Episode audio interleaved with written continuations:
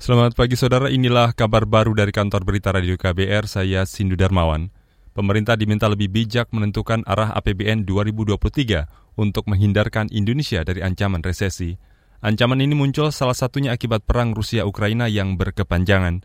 Hal ini disampaikan anggota Komisi Keuangan DPR, Kamaru Samad, lantaran sejumlah negara kini tengah menghadapi resesi ekonomi, bahkan sudah ada yang jatuh ke jurang krisis ekonomi seperti Sri Lanka perang Ukraina dan e, Rusia salah satunya, maka tidak ada yang bisa memastikan kapan itu, kapan sumber masalah itu akan berakhir. Dan Indonesia juga di luar kendalinya untuk menentukan itu. Bisa saja berlanjut sampai tahun depan. Nah kalau berlanjut berarti arah APBN kita 2023 betul-betul harus menjadi satu kekuatan utama itu tadi anggota Komisi Keuangan DPR Kamrus Samad. Sementara itu Kepala Kantor Staf Presiden KSP Muldoko mengklaim posisi ekonomi posisi ekonomi nasional lebih baik dari negara lain meskipun Indonesia masuk daftar 15 negara terancam resesi versi Bloomberg.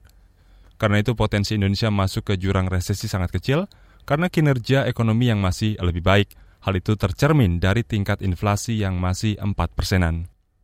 Masih ke soal ekonomi, Saudara Kementerian Perdagangan Kemendak menargetkan percepatan digitalisasi seribu pasar rakyat serta satu juta pedagang UMKM di Indonesia.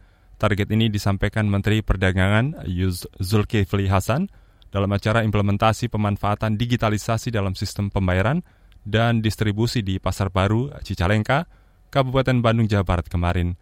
Acara itu kerjasama Kemendak dengan salah satu aplikasi perdagangan online.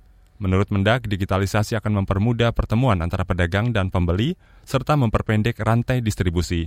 Menteri Zulkifli optimistis UMKM di Indonesia memiliki potensi besar untuk bisa mempercepat digitalisasi di sektor perdagangan. Percepatan itu diyakini akan memberikan kontribusi pada pertumbuhan ekonomi digital di tanah air. Saat ini jumlah UMKM di Indonesia lebih dari 64 juta.